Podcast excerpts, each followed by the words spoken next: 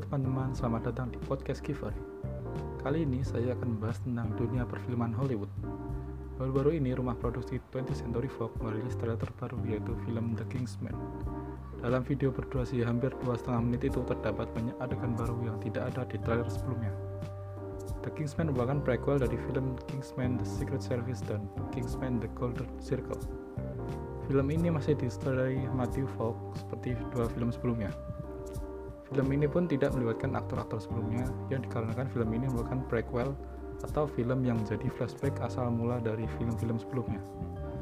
Secara keseluruhan, film ini bercerita tentang suatu pihak yang merencanakan perang untuk melenyapkan jutaan orang. Saat itulah agen intelijen swasta bernama Kingsman terbentuk. Begitu saja teman-teman, salam dan terima kasih.